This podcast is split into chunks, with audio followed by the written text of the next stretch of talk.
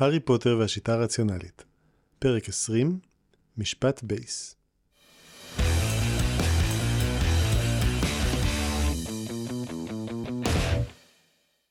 הארי בהה בתקרתו האפורה של החדר הקטן, ממקום משכבו על המיטה המתקפלת אך הרכה שהוצבה שם. הוא אכל לא מעט מהחטיפים של פרופסור קווירל, קינוחים מתוחכמים משוקולד ושאר מרכיבים, שכוסו בסוכריות מנצנצות ושובצו בהם יהלומי סוכר זעירים. הקינוחים נראו יקרים מאוד והתבררו גם כטעימים ביותר, והארי לא הרגיש אפילו שמץ של אשמה לגבי זה. את זה הוא הרוויח ביושר. הוא לא ניסה לישון, הייתה לו תחושה שלא יאהב את מה שיקרה כשיעצום את עיניו. הוא לא ניסה לקרוא. הוא לא היה מצליח להתרכז. מוזר איך מוחו של הארי תמיד המשיך לעבוד ולעבוד מבלי לכבות, לא משנה כמה עייף היה. הוא נעשה טיפש יותר, אבל סירב לכבות. אבל הוא אכן הרגיש תחושת ניצחון אמיתית. נקודה לתוכנית למיגור אדון האופל הארי אפילו לא התקרב לתאר את זה. הארי תהה מה הייתה מצנפת המיון אומרת עכשיו אילו היה יכול לחבוש אותה כרגע. אין פלא שפרופסור קווירל האשים את הארי בכך שהוא בדרכו להפוך לאדון אופל. הארי קלט לאט מדי. הוא היה אמור לראות את ההקבלות מיד. עליכם להבין כי אדון האופל לא ניצח באותו יום. מטרתו הייתה ללמוד אמנויות לחימה, ובסופו של דבר הוא הלך משם מבלי שלמד ולו שיעור אחד. הארי נכנס לכיתת השיקויים בכוונה ללמוד שיקויים. הוא הלך משם מבלי שלמד ולו שיעור אחד.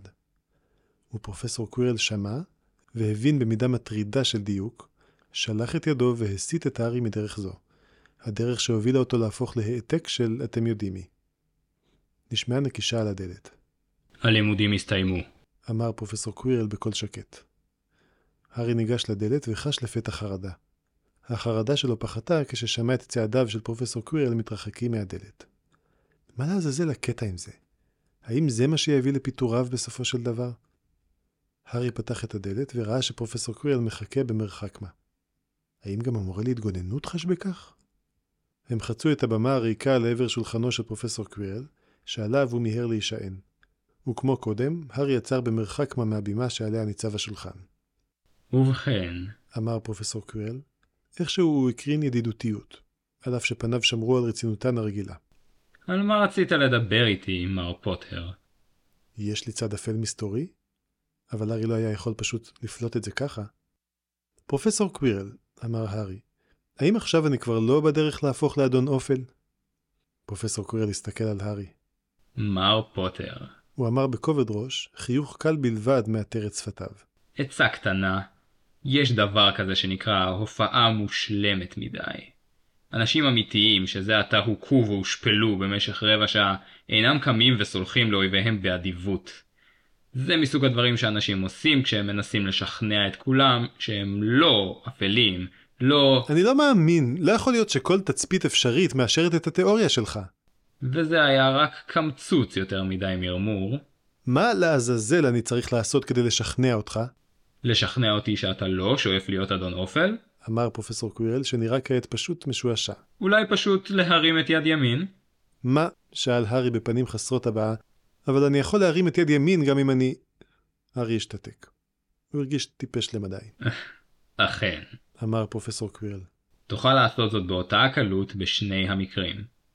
אין דבר שתוכל לעשות כדי לשכנע אותי, כי אני אדע שזה בדיוק מה שאתה מנסה לעשות. ואם נרצה לדייק אף יותר, בעוד שאני מוכן להודות שקיימת סבירות זניחה שאנשים טובים לחלוטין אכן קיימים, על אף שמעולם לא נתקלתי בכאלה, זה עדיין בלתי סביר שמישהו יספוג מכות במשך רבע שעה, ואז יקום על רגליו, וירגיש פרץ גדול של סלחנות כלפי תוקפיו.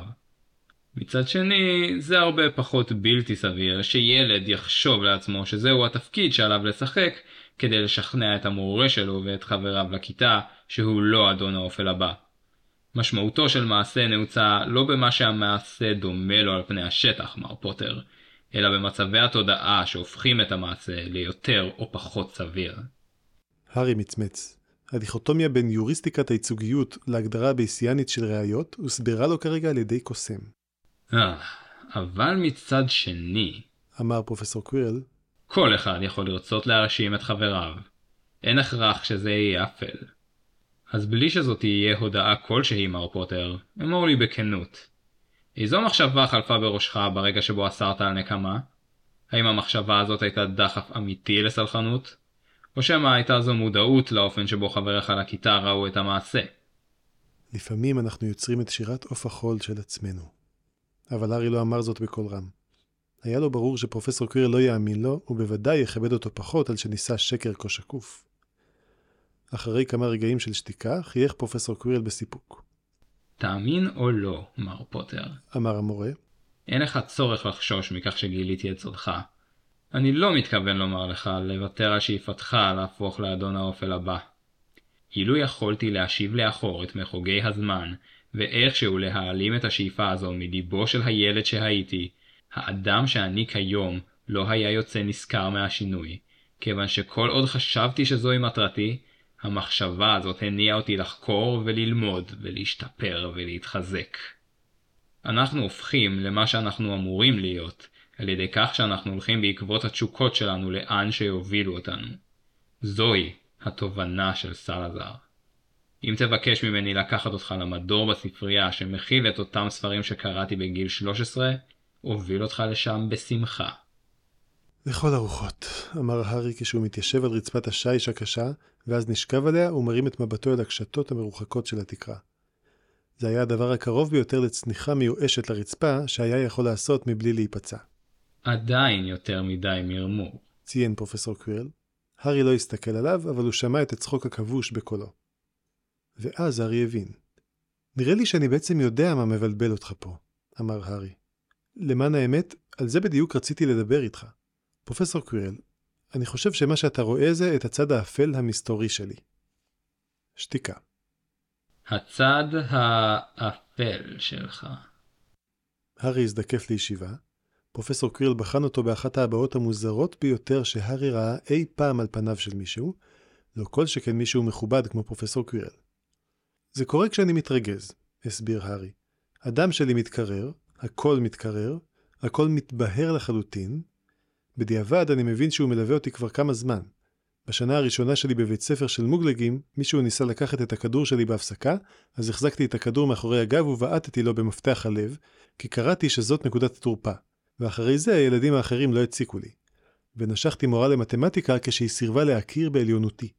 אבל רק לאחרונה הגעתי למצבים מלחיצים מספיק בשביל להבחין שזה באמת כאילו צד אפל מסתורי, ולא סתם בעיית שליטה בכעסים כמו שהפסיכולוגית של בית הספר אמרה. ואין לי שום כוחות על קסומים כשזה קורה. זה היה אחד מהדברים הראשונים שבדקתי. פרופסור קווירל שפשף את אפו. תן לי לחשוב על זה. הוא אמר. הארי חיכה בדממה במשך דקה שלמה. הוא ניצל את הזמן הזה כדי לקום, משימה שהתגלתה כקשה יותר מכפי שציפה. ובכן. אמר פרופסור קווירל אחרי זמן מה. אולי דווקא כן היה משהו שיכולת לומר כדי לשכנע אותי. ניחשתי כבר שהצד האפל שלי הוא בעצם רק עוד פן בי, ושהתשובה איננה לא לכעוס אף פעם, אלא ללמוד להישאר בשליטה על ידי כך שאקבל את הצד הזה בי. אני לא טיפש, ונתקלתי בסיפור הזה מספיק פעמים, אז אני יודע לאן כל זה מוביל. אבל זה קשה, ואתה נראה כמו האדם המתאים לעזור לי. כן, בהחלט. כמה חריף מצדך, מר פוטר, אני מוכרח לומר. הצד הזה הוא, כפי שכנראה כבר הסקת, הכוונה שלך להרוג. שהיא, כפי שאמרת, חלק ממך. ואני צריך ללמוד לשלוט בה. השלים הארי את התבנית. ואתה צריך ללמוד לשלוט בה, כן. ההבעה המוזרה עדיין הייתה נסוכה על פניו של פרופסור קווירל. מר פוטר, אם באמת אינך מעוניין להיות אדון האופל הבא, מה הייתה השאיפה שמצנפת המיון ניסתה לשכנע אותך לנטוש? השאיפה שבגללה היא מיינה אותך לסלידרין. היא מיינה אותי לרבנקלו. מר פוטר, אמר פרופסור קווירל, על פניו החיוך היבש הרגיל שלו. אני יודע שאתה רגיל להיות מוקף בשוטים, אבל אל נא תטעה ותחשוב שאני אחד מהם. הסבירות שמצנפת המיון תחמוד לצאן לראשונה זה 800 שנים, בעודה על ראשך, קטנה כל כך, עד שאין טעם לקחת אותה בחשבון. אני מתאר לעצמי שקיימת אפשרות קלושה שהקשת באצבעותיך, ומצאת דרך פשוטה וחכמה להביס את הלחשים נוגדי ההתעסקות שהוטלו על המצנפת, אם כי אני עצמי איני מסוגל לחשוב על אף דרך כזאת. אבל ההסבר הסביר ביותר, בפער משמעותי על מתחריו, הוא שדמבלדור החליט שהוא אינו מרוצה מבחירתה של המצנפת עבור הילד שנשאר בחיים. זה ברור לכל אדם בעל ולו הקמצוץ הקטן ביותר של היגיון בריא. ולכן, סודך בטוח ומוגן בהוגוורטס. הארי פתח את פיו, ואז סגר אותו שוב בתחושת חוסר אונים מוחלטת. פרופסור קווירל טעה, אבל הוא טעה בצורה כה משכנעת עד שהארי התחיל לחשוב שזאת אכן המסקנה הרציונלית, בהתחשב בראיות הזמינות לפרופסור קווירל. ישנם מקרים, מקרים בלתי צפויים אך קיימים, שבהם מקבלים ראייה בלתי סבירה, והניחוש המושכל הטוב ביותר יוצא שגוי. אם יש בדיקה רפואית שנותנת תוצאה שגויה רק פעם אחת מתוך אלף, הרי שמדי פעם היא תיתן תוצאה שגויה. אני יכול לבקש ממך לא לחזור על מה שאני עומד לומר? שאל הארי. כמובן. אמר פרופסור קווירל. ראה זאת כאילו ביקשת. גם הארי לא היה שותה. אני יכול לראות זאת כאילו אמרת כן? טוב מאוד, מר פוטר. אתה רשאי בהחלט לראות זאת כך. פרופסור קווירל... לא אחזור על מה שאתה עומד לומר. אמר פרופסור קווירל בחיוך. שניהם צחקו, ואז הארי חזר והרצין. מצנפת המיון באמת חשבה שאני אהפוך לאדון אופל, אלא אם כן אלך להאפלפף, אמר הארי. אבל אני לא רוצה להיות אדון אופל. מר פוטר, אמר פרופסור קווירל, אל תבין אותי לא נכון. אני מבטיח שלא תקבל ציון על תשובתך. אני רק רוצה לדעת מהי תשובתך הכנה. למה לא? הארי שוב הרגיש את חוסר האונים הזה. לא תהפוך לאדון אופל הייתה תאורמה ברורה כל כך במערכת המוסרית שלו, עד שהיה קשה לתאר את צעדי ההוכחה. הם כי אנשים ייפגעו? קשה לי להאמין שאף פעם לא רצית לפגוע באנשים. אמר פרופסור קווירל. רצית לפגוע בבריונים הללו היום, להיות אדון אופל משמעותו שהאנשים שאתה רוצה לפגוע בהם אכן ייפגעו. הארי חיפש לשווא אחר המילים הנכונות, ואז פשוט החליט ללכת על המובן מאליו. דבר ראשון, זה שאני רוצה לפגוע במישהו לא אומר שזה הדבר הנכון. מה הופך משהו לנכון, פרט לכך שאתה רוצה בו? אה, אמר הארי, תועלתנות העדפות. סליחה? אמר פרופסור קווירל. זו התורה המוסרית הגורסת שמה שטוב הוא מה שמספק את העדפותיהם של מרבית האנשים, לא, אמר פרופסור קווירל ושפשף באצבעותיו את גשר אפו. אני לא חושב שזה בדיוק מה שניסיתי לומר. מר פוטר, בסופו של דבר כל האנשים עושים את מה שהם רוצים לעשות. לפעמים אנשים נותנים שמות כמו נכון לדברים שהם רוצים לעשות, אבל איך אנחנו יכולים לפעול על פי משהו מלבד הרצונות שלנו?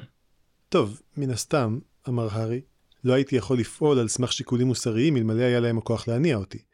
אבל זה לא אומר שלרצון שלי לפגוע בסליטרינים ההם יש יותר כוח להניע אותי מאשר לשיקולים מוסריים. פרופסור קווירל מצמץ. שלא לדבר על כך, אמר הארי, שלהיות אדון אופל משמעו גם פגיעה בהרבה עוברי אורח חפים מפשע, למה זה משנה לך? שאל פרופסור קווירל. מה הם עשו בשבילך? הארי צחק. וואו, זה היה מעודן בערך כמו מרד הנפילים, סליחה? אמר פרופסור קווירל שוב. זה ספר שההורים שלי לא נתנו לי לקרוא כי הם חשבו שהוא ישחית אותי. אז כמובן שקראתי אותו בכל זאת, ונעלבתי שהם חשבו שאני אפול למלכודות כל כך ברורות.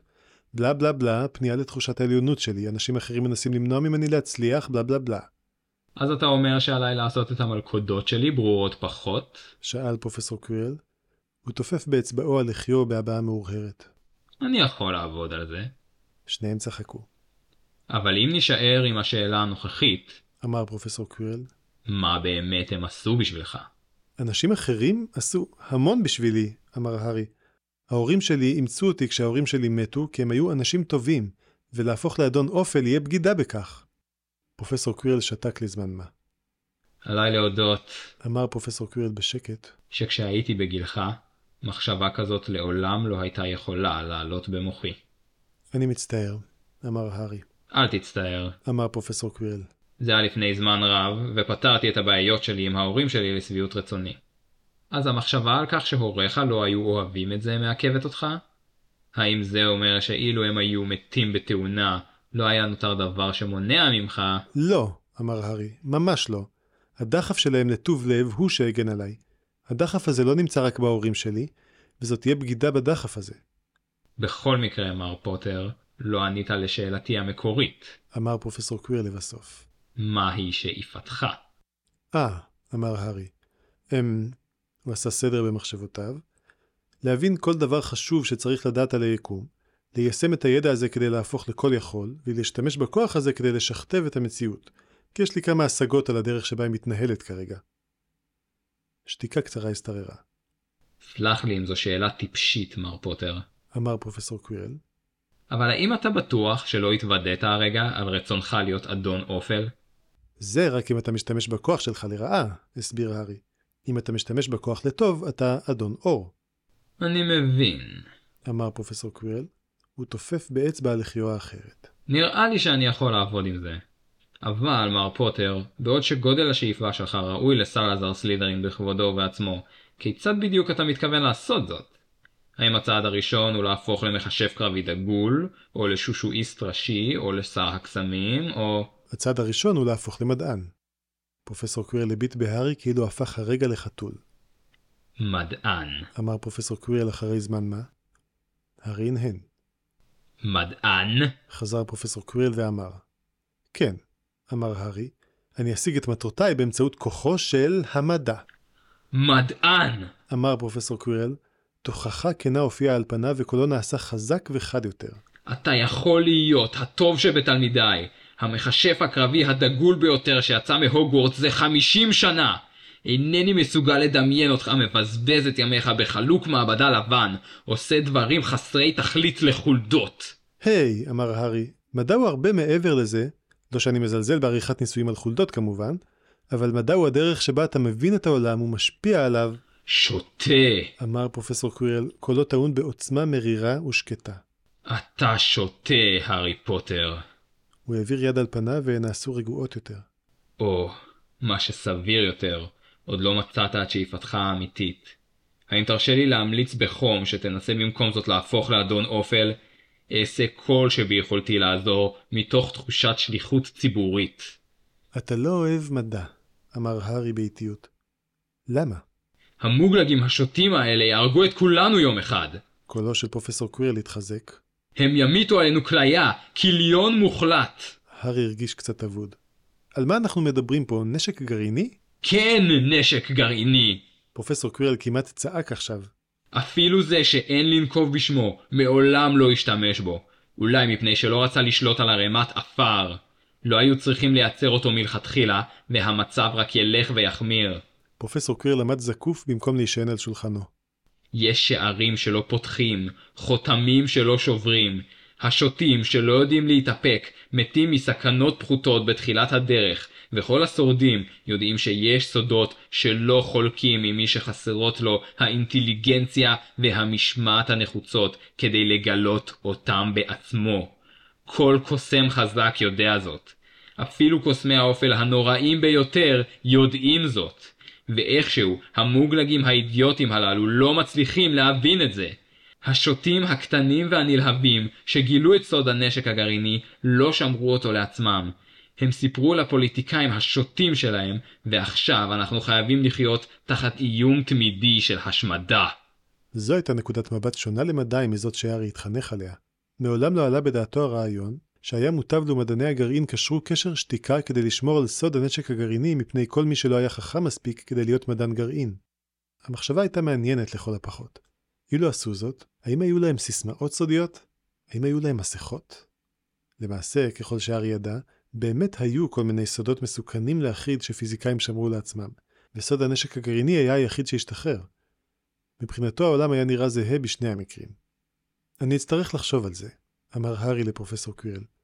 זה רעיון חדש מבחינתי, ואחד מהסודות הסמויים של המדע, שמועבר מקומץ של מורים נדירים למסטרנטים ולדוקטורנטים שלהם, הוא איך להימנע מלזרוק רעיונות חדשים מהחלון ברגע ששומעים רעיון שלא אוהבים. פרופסור קווירל מצמץ שוב. יש סוג כלשהו של מדע שכן נראה לך? שאל הארי. רפואה אולי? מסע בחלל. אמר פרופסור קווירל. אבל נראה שהמוגלגים מתמהמהים בפרויקט היחיד שאולי יאפשר לקוסמים להימלט מכוכב הלכת הזה לפני שהם משמידים אותו. הארי הנהן, גם אני חסיד גדול של תוכנית החלל. לפחות את זה יש לנו במשותף. פרופסור קווירל הביט בהארי ומשהו בעיניו השתנה. תן לי את מילתך, הבטחתך ושבועתך שלעולם לא תדבר על מה שעומד לקרות. קיבלת, אמר הארי מיד. הקפד לעמוד במילתך או שלא תאהב את התוצאות. אמר פרופסור קווירל. אני אטיל כעת לחש נדיר ורב עוצמה. לא עליך, אלא על הכיתה שמסביבנו. אל תזוז כדי שלא תיגע בגבולות הלחש לאחר שיוטל. אסור לך לבוא במגע עם הקסם שאני מטיל. הבט בו בלבד, אחרת אפסיק את הלחש. פרופסור קווירל השתתק. ונסה שלא ליפול.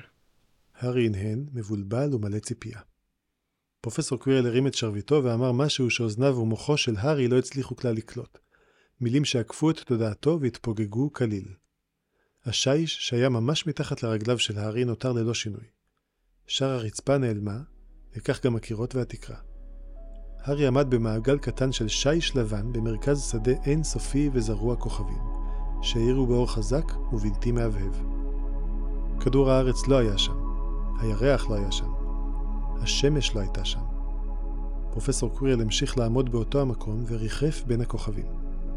שביל החלב כבר נראה לעין כפס גדול של אור, אשר הלך והתבהר ככל שעיניו של הארי הסתגלו לחשיכה. לנוכח המחזה התכווץ ליבו של הארי כפי שלא התכווץ מעולם. אנחנו בחלל? לא, אמר פרופסור קווירל. קולו היה עצוב ומלא יראת כבוד. אבל זו תמונה אמיתית. דמעות נקבו בעיניו של הארי והוא נחפז למחות אותן. לא הייתה לו שום כוונה להחמיץ את המחזה הזה בגלל מים מטופשים שמטשטשים את ראייתו. הכוכבים לא נראו עוד כמו יהלומים זעירים המשובצים בכיפת קטיפה ענקית, כמו שנראו בשמי הלילה על כדור הארץ. לא היה כאן רקיע ממעל וכיפת שמיים מסביב, אלא רק נקודות של אור מושלם על רקע שחור מושלם. ריק אינסופי ובו חורים קטנטנים רבים מספור, שדרכם זרח בוהק שהגיע ממקום שלא ניתן לדמיין. בחלל, הכוכבים נראו ממש, ממש, ממש רחוקים. הארי מחה את עיניו שוב ושוב. לפעמים, אמר פרופסור קווירל בקול כה שקט עד שכמעט ולא נשמע, כשהעולם הפגום הזה נראה לי מתועב במיוחד, אני תוהה אם יש אולי מקום אחר, הרחק מכאן, שבו הייתי אמור להיות. אינני יכול לדמיין איזה מין מקום הוא עשוי להיות, ואם אינני יכול לדמיין אותו, כיצד אוכל להאמין שהוא קיים? אבל הכוכבים רחוקים עד מאוד. היה לוקח לי זמן רב מאוד להגיע לשם, גם אם הייתי מכיר את הדרך. ואני תוהה, על מה הייתי חולם אם הייתי ישן זמן רב כל כך? אף על פי שהדבר נראה להארי כמו חילול קודש, הוא הצליח ללחוש. בבקשה תן לי להישאר פה קצת זמן. פרופסור קווירל הנהן ממקום עמדו, ללא תמיכה, על רקע הכוכבים.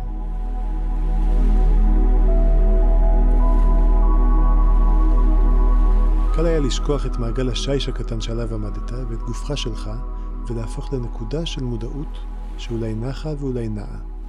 כשאין מרחק שניתן לחשב, אין דרך לדעת. זה היה זמן נטול זמן. ואז הכוכבים נעלמו והכיתה חזרה. אני מצטער, אמר פרופסור קווירל, אבל מישהו תכף מגיע. זה בסדר, לחש הארי, זה הספיק. הוא לעולם לא ישכח את היום הזה, ולא בגלל הדברים הפעוטים שקרו מוקדם יותר. הוא ילמד להטיל את הלחש הזה, גם זה יהיה הדבר האחרון שיעשה. ואז, הועפו דלתות האלון הכבדות של הכיתה מציריהן והחליקו על רצפת השיש בצווחה גבוהה. קווינוס! איך אתה מעז? כמו ענן שערה עצום מתפרץ לחדר קוסם ישיש ורב עוצמה. הבעה של זעם כה טהור נסוכה על פניו, עד שהמבט הקשוח שהפנה כלפי הארי קודם לכן נראה כאין וכאפס לעומתה. תחושת בלבול השתלטה על מוחו של הארי כאשר החלק בו שרצה לברוח בצרחות מפני הדבר המפחיד ביותר שראה אי פעם, אכן ברח ופינה את מקומו לחלק אחר בו שהיה מסוגל להתמודד עם הזעזוע. אף אחד מחלקיו של הארי לא שמח על כך שהצפייה שלהם בכוכבים הופרעה. המנהל אלבוס פרסיבל, פתח הארי בקול צונן כקרח, טראח. ידו של פרופסור קווירל לקטע בשולחנו בחוזקה. מר פוטר! נבח פרופסור קווירל, זהו המנהל של הוגוורטס, ואתה רק תלמיד. אתה תפנה אליו בכבוד הראוי. הארי הביט בפרופסור קווירל. פרופסור קווירל נעץ בהארי מבט חמור סבר. איש מהם לא חייך. צעדיו הארוכים של דמבלדור עצרו לפני הנקודה שבה עמדו הארי מול בימת המרצה, ופרופסור קווירל ליד שולחנו. המנהל הביט בשניהם בתדהמה. אני מצטער, אמר הארי בקול כנוע ומנומס. המנהל, אני מודה לך על רצונך להגן עליי, אבל פרופסור קווירל עשה את הדבר הנכון. לאט ובהדרגה השתנתה הבעת פניו של דמבלדור ממשהו שהיה יכול להעדות פלדה להבעה כועסת פשוטה. שמעתי תלמידים אומרים שהאיש הזה דאג לכך שתלמידים בוגרים מסלידרין יתעללו בך, שהוא אסר עליך להגן על עצמך. הארי הנהן. הוא ידע בדיוק מה הבעיה שלי, והוא הראה לי איך לתקן את זה. הארי, על מה אתה מדבר? לימדתי אותו כיצד להפסיד. אמר פרופסור קווירל ביובש. זו מיומנות חיים חשובה. היה ברור שדמבלדור עדיין איננו מבין, אבל הוא הנמיך מעט את עוצמת קולו. הארי, הוא אמר באיטיות. אם המורה להתגוננות איים עליך בצורה כלשהי כדי למנוע ממך להתלונן, חתיכת משוגע, אחרי היום מכל הימים אתה באמת חושב שאני... המנהל, אמר הארי בניסיון להיראות מבויש, הבעיה שלי היא לא אי דיווח על מורים מתעללים. פרופסור קווירל גיחך. Hmm, לא מושלם, מר פוטר, אבל מספיק טוב בשביל יומך הראשון. המנהל, האם נשארת מספיק זמן כדי לשמוע על 51 הנקודות לרייבנקלו, או שחשת לכאן ברגע ששמעת את החלק הראשון? פניו של דמבלדור נראו לרגע מוטרדות, ולאחר מכן מופתעות. 51 נקודות לרבנקלו? פרופסור קווירל הנהן. הוא לא ציפה להן, אבל זה נראה הולם. אמור לפרופסור מגונגל שאני חושב שהסיפור על מה שמר פוטר עבר כדי לזכות בחזרה בנקודות האבודות, יבהיר את הנקודה שלה באותה מידה. ולא, המנהל, מר פוטר לא סיפר לי דבר. קל לראות איזה חלק מאירועי היום הוא מעשה הדעה, בדיוק כפי שאני יודע שאתה הוא זה שהציע את הפשרה הסופית. אם כי אני תוהה איך לעזאזל הצליח מר פוטר לנצח במאבק עם פרופסור סנייפ ואיתך, ואז להפסיד לפרופסור מגונגל. הארי הצליח איכשהו לשלוט בפניו. האם זה היה עד כדי כך ברור לסלית'רין אמיתי? דמבלדור התקרב להארי במבט בוחן, אתה נראה מעט חיוור, הארי. אמר הקוסם הזקן. מה אכלת היום לארוחת צהריים? מה? שאל הארי. מוחו התנודד בבלבול פתאומי. למה שדמבלדור ישאל על כבש מטוגן וברוקולי קצוץ, כשזאת הסיבה הכי פחות סבירה ל... הקוסם הזקן הזדקף. לא משנה, אתה נראה לי בסדר. פרופסור קווירל השתעל שיעול חזק ורב משמעות. הארי הביט בפרופסור קווירל וראה שהוא נועץ בדמבלדור מבט חד. אמר פרופסור קווירל שוב. דמבלדור ופרופסור קווירל החליפו מבט ארוך ונראה שמשהו עבר ביניהם. אם אתה לא תספר לו, אמר אז פרופסור קווירל. אני אספר, גם אם תפטר אותי בגלל זה. דמבלדור נאנח ופנה בחזרה אל הארי. אני מתנצל על שפלשתי לפרטיות מחשבותיך, מר פוטר. אמר המנהל ברשמיות.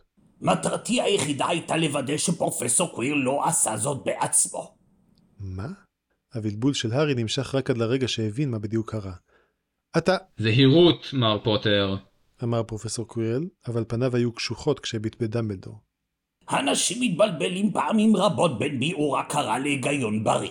אמר המנהל, אבל המעשה משאיר עקבות שמבאר הכרה מיומן אחר יכול לזהות. זה כל מה שחיפשתי, מר פוטר, ושאלתי אותך שאלה לא קשורה כדי לוודא שלא תחשוב על שום דבר חשוב בזמן שאני בודק. היית צריך לבקש קודם. פרופסור קווירל הניד בראשו. לא, מר פוטר.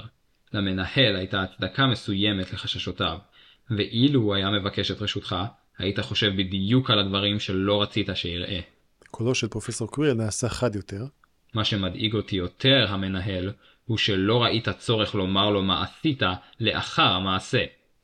המעשה שעשית כרגע יקשה על הבטחת פרטיות תודעתו בעתיד. אמר דמבלדור. הוא נעץ בפרופסור קווירל מבט צונן. האם זו הייתה כוונתך, טמאני? הבעתו של פרופסור קווירל הייתה נחושה.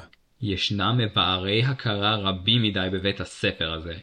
עליי להתעקש שמר פוטר יקבל שיעורים בעלתת הכרה. האם תרשה לי להיות המורה שלו? בשום פנים ואופן. אמר דמבלדור מיד. תיארתי לעצמי. אם כך, מכיוון שאתה מונע ממנו את שירותיי החינמים, אתה תשלם למורה מורשה להלטת הכרה שיכשיר את מר פוטר. שירותים כאלה אינם זולים. אמר דמבלדור, שהסתכל על פרופסור קווירל במידת מה של הפתעה. אם כי בהחלט יש לי קשרים מסוימים. פרופסור קווירל הניד בראשו בתקיפות. לא. מר פוטר יבקש ממנהל החשבון שלו בגרינגוטס להמליץ על מורה ניטרלי. עם כל הכבוד, המנהל דמבלדור, אחרי אירועי הבוקר הזה, אני מוכרח להתנגד לכך שלך או לחבריך תהיה גישה לתודעתו של מר פוטר.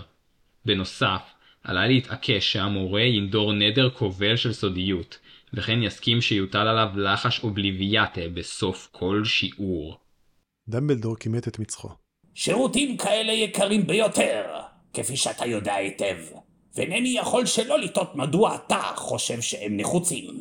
אם הבעיה היא כסף, אמר הארי, יש לי כמה רעיונות איך להרוויח הרבה כסף במהירות. תודה לך, קוונוס. חוכמתך ברורה כעת ואני מתנצל שחלקתי עליה. דאגתך להארי פוטר ראויה גם היא להערכה. על לא דבר. אמר פרופסור קווירל. אני מקווה שלא תתנגד שאקדיש לו תשומת לב מיוחדת. פניו של פרופסור קווירל היו כעת רציניות מאוד וקבועות מאוד. דמבלדור הביט בהארי. זהו גם רצוני, אמר הארי. אז זה מה שיקרה. אמר הקוסם הזקן לאיתו. משהו מוזר חלף על פניו. הארי, עליך להבין שאם תראה באדם הזה מדריך וחבר, מורה הדרך הראשון שלך, אז תאבד אותו בצורה כזו או אחרת. והדרך שבה תאבד אותו, אולי לא תאפשר לך לזכות בו בחזרה אי פעם. הארי לא חשב על זה, אבל באמת הייתה קללה על משרת המורה להתגוננות.